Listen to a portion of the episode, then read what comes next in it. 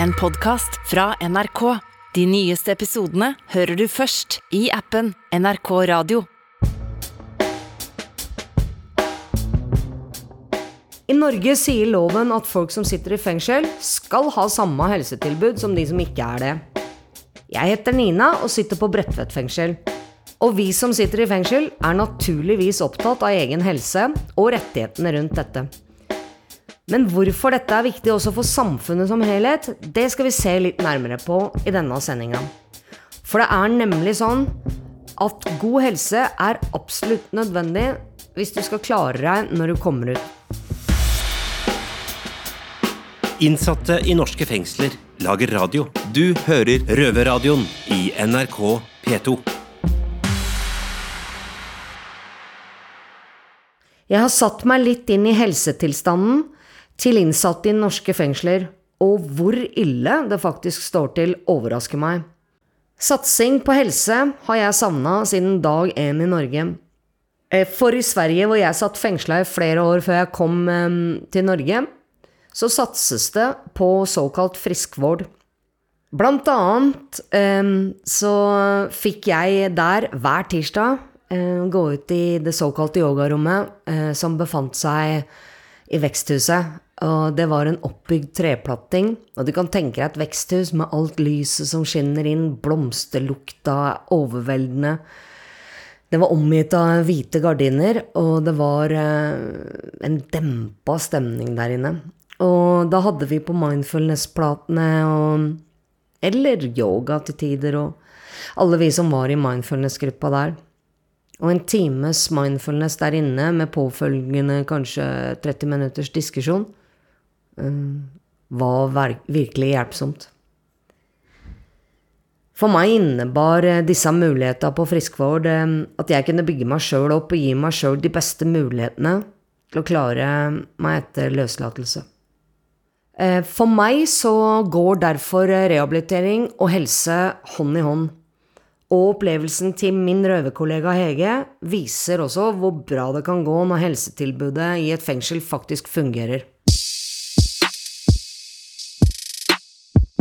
Jeg lå mest hjemme med blodpropper og grein og hadde vondt. Og... Så jeg var i en veldig vond sirkel da, og rusa meg masse fordi jeg hadde masse smerter.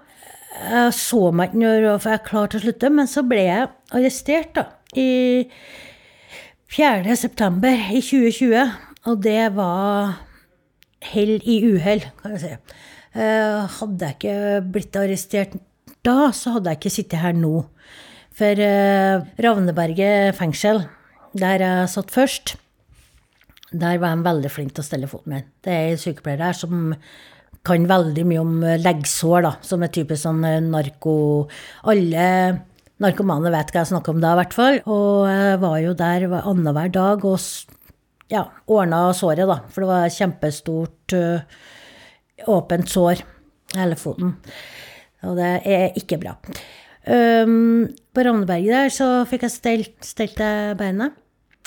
Veldig bra. Og det ble ja, litt bra, og så ble det litt dårlig, og så ble det litt bra, og så ble det litt dårlig. Og så kom jeg til, til Bredtvet fengsel i desember 2020.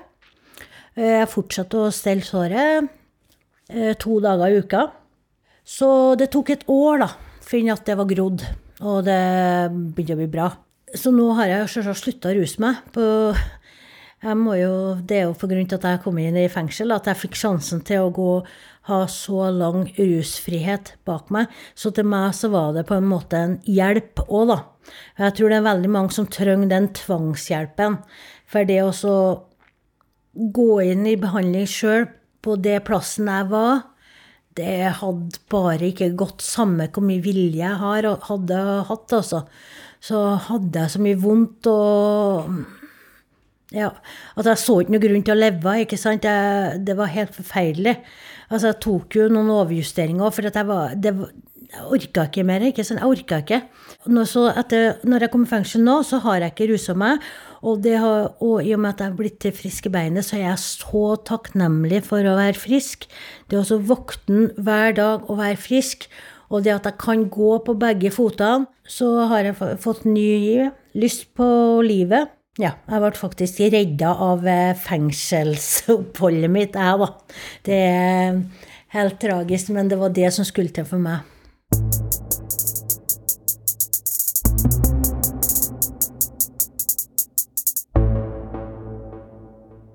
For en tid tilbake så laga Senter for omsorgsforskning Øst en rapport på oppdrag fra Kriminalomsorgsdirektoratet sammen med Helsedirektoratet for å sjekke hvordan det står til med omsorgsbehovet til norske innsatte.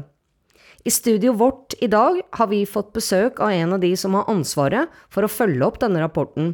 Så velkommen hit skal du være avdelingsdirektør for forebygging, tilbakeføring og sikkerhet i KDI, Heidi Bottolfs. Tusen takk for det. Og så har vi også med oss seniorrådgiver i Helsedirektoratet, Stig Nygaard. Velkommen til dere begge. Tusen takk. Først, hvilken rolle har du hatt i forbindelse med helsa til innsatte? Ja, min rolle i det daglige det er jo at jeg har et oppdrag fra departementet på å revidere eh, en veileder vi har for helse- og omsorgstjenester til innsatte i fengsel. Eh, så dermed så jobber vi mye med som det vi kaller for innsiktsarbeid. Hvordan er helsesituasjonen for de innsatte? Hvordan er situasjonen for helsetjenestene? For å få litt mer innsikt i det indre livet i fengselet. Ja, for i denne rapporten så kommer det jo fram at folk i fengsel har mer omfattende psykiske og somatiske lidelser, funksjonsnedsettelser og aldersrelaterte lidelser nå enn for 10-15 år siden, og hva tenker eh, dere om dette? Det er ikke noe ukjent at den uh, rus- og psykisk helseproblematikken er stor i fengsel.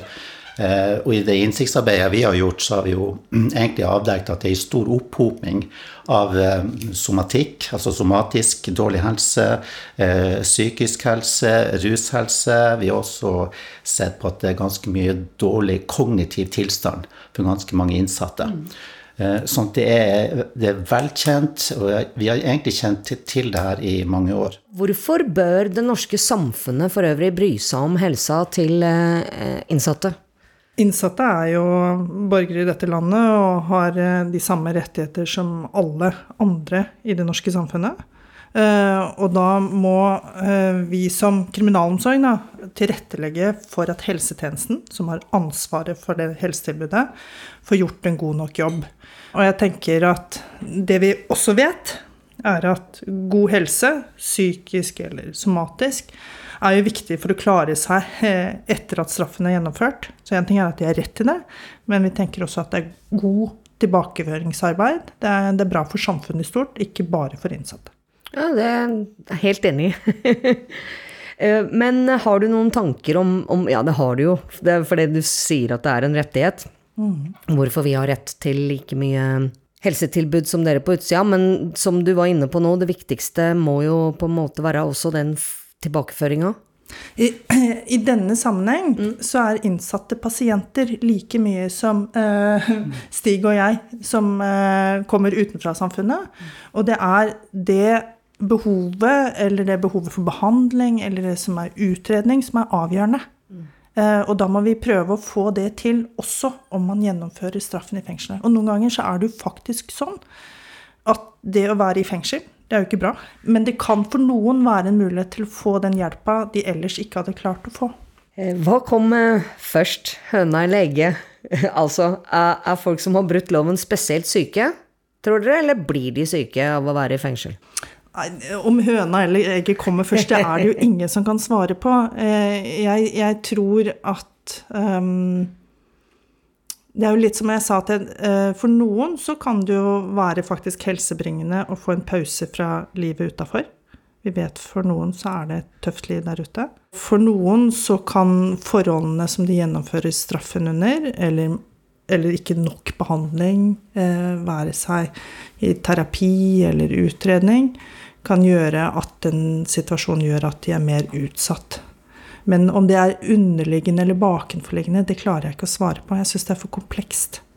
Men vi vet fra Kramer-undersøkelsen, som var en stor undersøkelse som ble gjennomført for noen år siden, eh, at det er en og er da, da diagnostiserte man ikke de som ble eh, spurt, da det var forskningsdiagnoser, som det heter seg at man mente at to til fire kanskje hadde, eh, var i grenseland psykotisk. Og da kan det jo faktisk være psykiske lidelser som kan være trigger for kriminelle handlinger.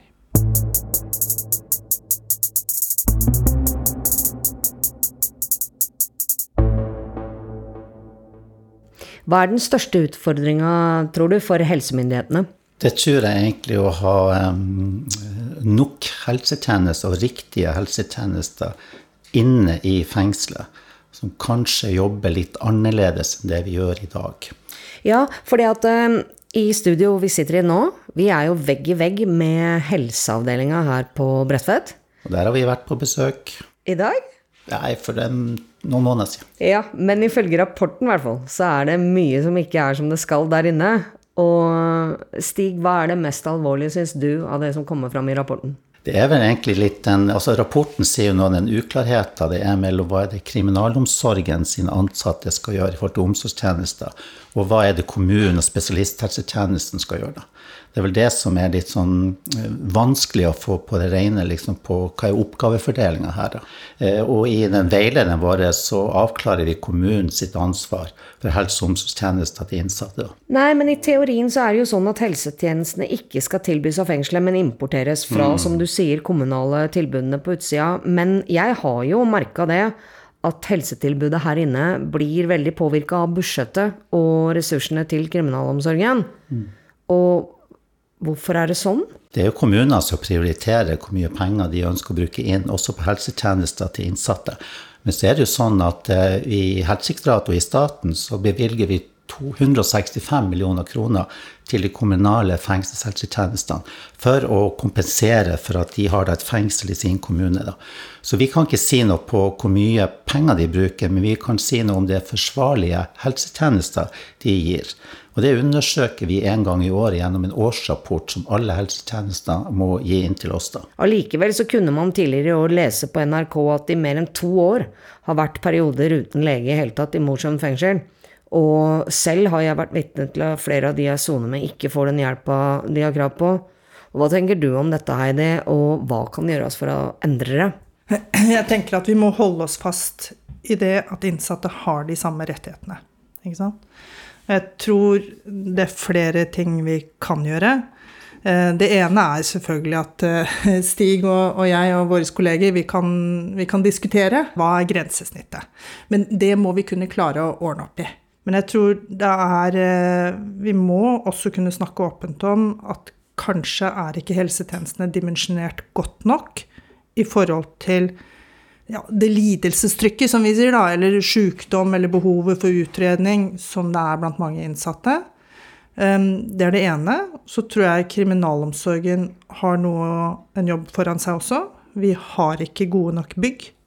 Så vi har ikke eh, Vi har gjort mye for helseavdelingene faktisk de siste årene, sånn at de har bedre arbeidsvilkår.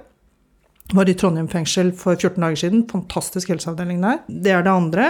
Og så er det sånn som du sier, at ved noen fengsler så er det f.eks. det er ikke lydisolert, det er dårlig ventilasjon, det er ikke arealer for aktivisering. Og det er jo sånn som eh, berører skaper sykdom. Ja, skaper sykdom, ikke sant. Og som ikke fremmer aktivisering, og som skaper dårlige arbeidsvilkår også for våre ansatte, men dårlig bomiljø for innsatte. Så jeg tror vi må også gjøre noe med bygningsmassen, eh, sånn at det er mer egnet. Og så må helsetjenesten også se på dimensjoneringen av tilbudet. Innsatte i norske fengsler lager radio. Du hører Røverradioen i NRK P2. En annen ting som kommer fram i denne rapporten, er jo det at enkelte innsatte har for store psykiske og somatiske problemer til å være i fengsel. Altså, det betyr at de er for syke til å sone, og likevel er de her. Hvorfor er det sånn? Vi mener at det er for mange innsatte som ikke får den hjelpen de trenger fra psykisk helsevern.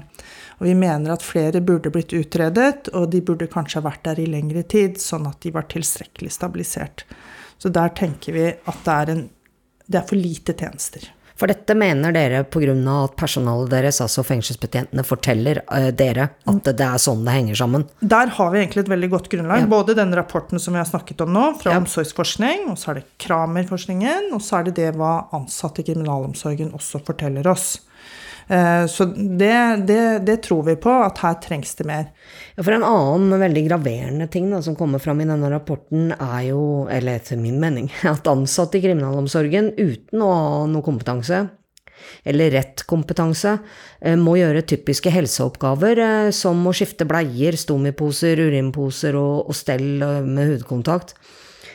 Når helse ikke er til stede i fengselet, men de må da gjøre den jobben uten noe informasjon om sykdomstilstand eller um, lignende, fordi helsetjenesten jo er pålagt uh, taushetsplikt. Og er dette en situasjon som Helsedirektoratet er fornøyd med, Stig? Nei, og derfor er det at vi beskriver det den veilederen til de kommunale ansatte og til kommunen. Bare husk på at um, helsetjenester til innsatte i fengsel er hele kommunen sitt ansvar. Men så man valgt å organisere en tjeneste inn i fengselet, et stort fastlegekontor, for å si det sånn.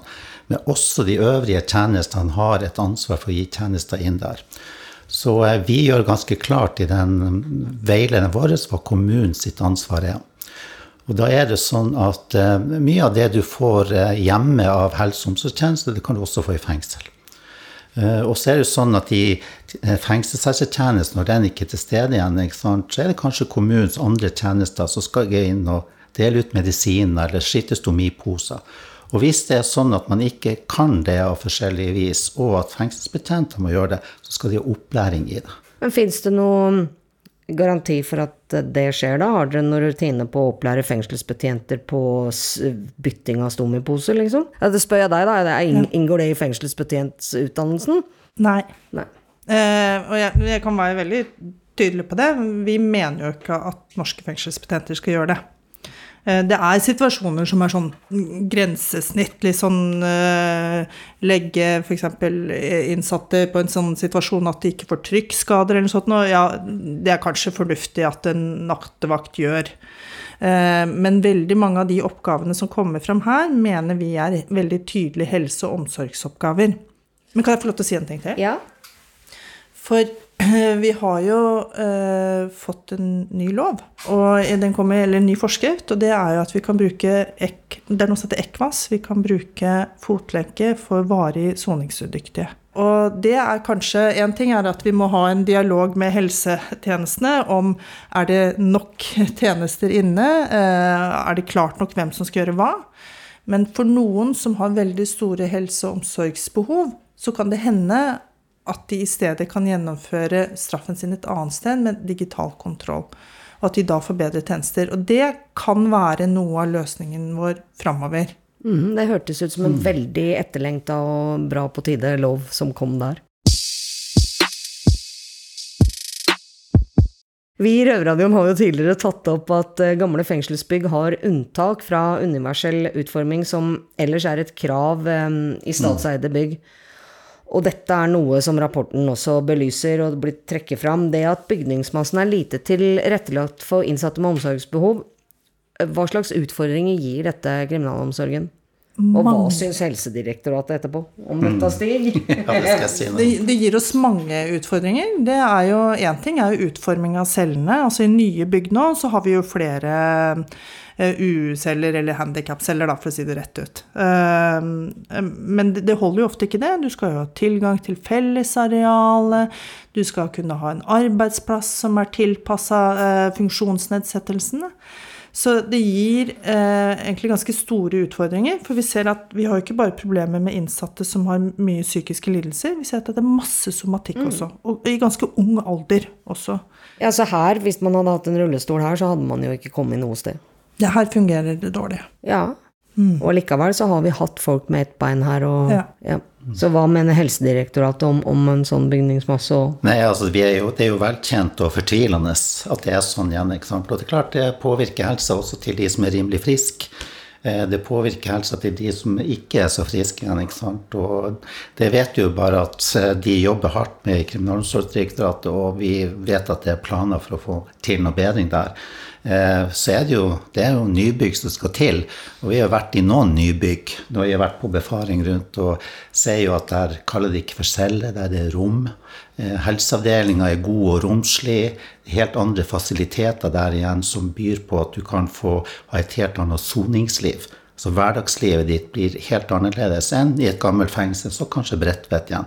Og det påvirker helsa di, det påvirker aktivitetene dine. Og det tenker jo vi altså vi sitter nå og lager en veileder for fremtida til de kommunale fengselstjenestene. Så tenker vi fremtid. Mm. Også samarbeid med eh, fengslene og Kriminalomsorgsdirektoratet. Hvordan kan vi få rehabilitering og helse til å henge mer sammen?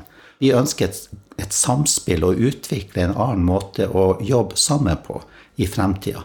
Og det tar jo litt tid å utvikle, for det påvirker kanskje lovfeltet og retningslinjer med praksisen vi har i dag.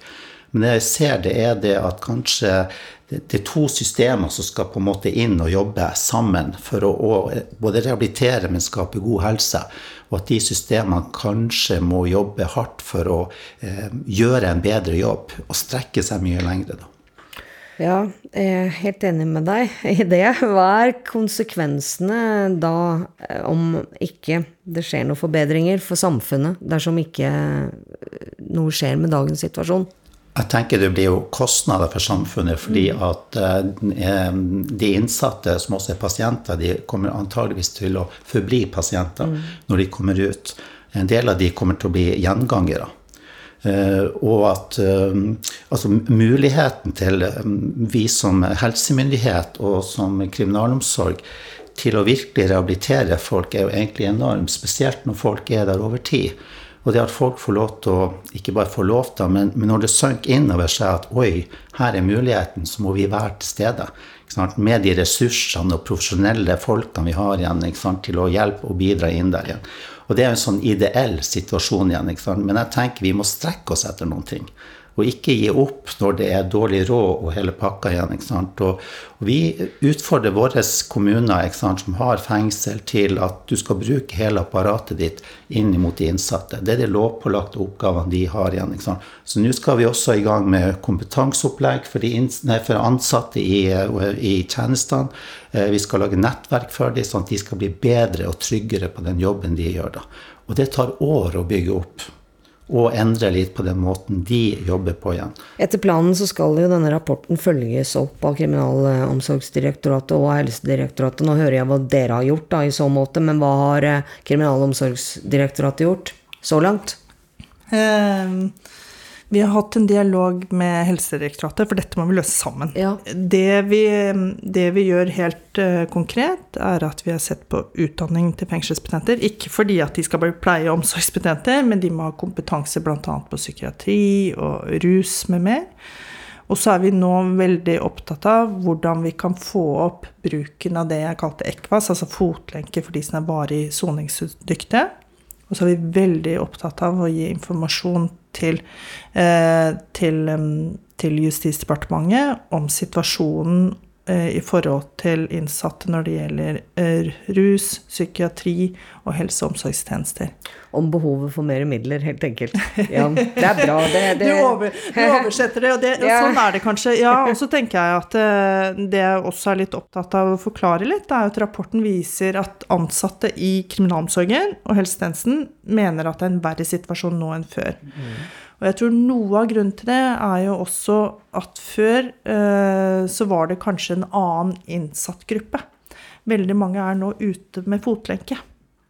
Eh, og det er de som kan det etter loven, selvfølgelig. Men det betyr også at mange av de som er igjen i fengsel, kanskje det blir enda mer behov totalt sett, da. Ikke sant? Altså, Før i tida så hadde jo fengsla egne sykehus og sykeavdelinger. Og mm. Kan det være en løsning også for framtida, hvor, hvor, vi faktisk har alt på plass istedenfor å måtte være avhengig av godtykkeligheten til hver enkelt kommune, for å si det sånn, da? Ja, vi har jo hatt litt debatt mm. rundt omkring, og det har jo stått i rapporter òg. Det står vel også i den rapporten vi snakker om nå, da. Eh, at egen helseavdeling med kanskje en sengepost og sånne mm. ting for de alvorlig psykisk syke, både og somatiske og sånt. Så så um, det bygges nye fengsel. Kan det vurderes da om det skal være da et en, ja. Men sånn som Ja, vær så god. Får jeg lov til å filosofere litt? Ja, filosofere For det er veldig lett å, lett å, tenke på hva hadde det vært enda bedre hvis det hadde vært noe annet.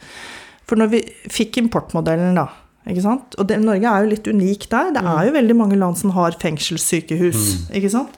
Uh, og, og, de ansatte i helsetjenesten rapporterer ikke til uh, leder for helseavdelingen eller kommunen da, som leverer de tjenestene, men til direktøren eller lederen for fengselet. Og tanken bak den importerte tjenesten var jo at kvaliteten på tjenestene inne, altså helse, skole, Nav, skal være like bra som kvaliteten som du får ute. Eh, og det tror jeg det kunne kanskje ha vært hvis jeg liksom hadde sagt at det hadde vært annerledes organisert også. Men jeg tror det går ganske fort tid før liksom noe av kompetansen ikke blir så bra som det som skjer ute. Husk på det er egne budsjettlinjer også. Det er ikke kriminalomsorgens kutt. Rammer jo egentlig ikke kutt i de importerte tjenestene. Det er et annet sted på statsbudsjettet. Og så er det det er tross alt en bedre sammenheng mellom den tjenesten du får inne, f.eks. hvis du går på skole, og den tjenesten du får ute, enn om en skoleavdeling som rapporterte til fengselet, skulle overføre all kompetanse til en skole ute. Så jeg tror det, det, er mange gode grunner til at det er en god modell, men den er også litt vanskelig for oss. Og jeg tror at vi, må, eh, vi kan godt liksom utfordre modellen litt. Eh, men, men, samtidig så tenker jeg at det kanskje handler det bare om at det må være flere folk på jobb. Ja, det må være folk på jobb overhodet. Det er ikke bare flere. Mm. Snart er det jo ikke et menneske igjen her. Men eh, i forhold til akkurat eh, de utfordringene som akkurat dette fengselet sliter med, da. At andelen av psykisk syke f.eks. på avdeling 3 nå har blitt mye større enn det han var f.eks. For, for tre år siden når jeg kom hit så ser jo jeg behovet av å ha en egen avdeling hvor, hvor det er døgnbemanna helsetjenester her om natta eh, også. eller altså på alle dagtid, sånn at ikke alle virksomheter blir eh, berørt av, av eh, sykdomsbehovet, mm. faktisk. Men det er jo også en eh, diskusjon for en annen dag. Nå er det jo eh, kommet folk på jobb her, så hvis dere hører en del masse bråk i bakgrunnen, så er det derfor at vi ikke sitter alene på skolebygningen lenger. Men eh, da vil jeg bare spørre dere om dere har noe mer å tillegge? Noen flere tanker? Vi kunne jo prata i timevis om denne rapporten, men det, det går jo ikke. Jeg, te jeg, tenker vi må holde oss fast i prinsippet at innsatte har de samme mm. rettigheter som alle andre. Og det er ikke viktig bare for verdighet og levekår for innsatte mens de er i fengsel, men det er også bra for samfunnet. Eh, vi får bedre naboer av det. Eh, og vi må, vi må strekke oss etter det, for det er en del å gjøre. Og det må vi gjøre sammen med helsetjenestene. Ja, så tenker jeg litt at vi eh, Det er mye vanskelige problemstillinger. Helsa er dårlig, fengslene er gamle, og det er ikke nok helsetjenester inn der. Men i for Helsedirektoratet sin del så er vi fremoverlent nå. Vi skal videre innover i fremtida sammen med Kriminalomsorgsdirektoratet og andre krefter. Så jeg tror at det med helsetjenester til innsatte er noe som kommer til å bli løfta inn i ganske mange fora etter hvert, for sånn kan vi ikke ha det lenger. Og kanskje skal innsatte i fengsel ha litt ekstra enn det øvrige befolkninga har. Takk for det, eh, og tusen takk for besøket, begge to. Avdelingsleder for forebygging, tilbakeføring og sikkerhet i KDI, Heidi Botolfs, og seniorrådgiver i Helsedirektoratet, Stig Nygaard. Det er åpenbart at eh, dagens helsetilbud i fengsel ikke er bra nok. Men eh, det var godt å høre at begge direktoratene vi hadde på besøk i dag, jobber for å forbedre situasjonen. Spesielt varma det mitt hjerte at Stig fra Helsedirektoratet mente at innsatte burde ha enda bedre tilbud enn befolkningen for øvrig. Fordi, som Heidi sa, dette vil tjene befolkningen i stort. Som vi hørte fra min røverkollega Hege i starten av sendinga, så kan et bra helsetilbud i fengsel til og med redde liv. Og med det så sier jeg takk for nå, men eh, Røverradioen er tilbake allerede neste søndag klokka 20.30 på NRK P2 eller på podkast når og hvor du vil, hvis du ikke sitter i fengsel. Røverradioen er laga for og av innsatte i norske fengsler. Tilrettelagt for streitinger av Klynge for NRK. Du har hørt en podkast fra NRK. De nyeste episodene hører du først i appen NRK Radio.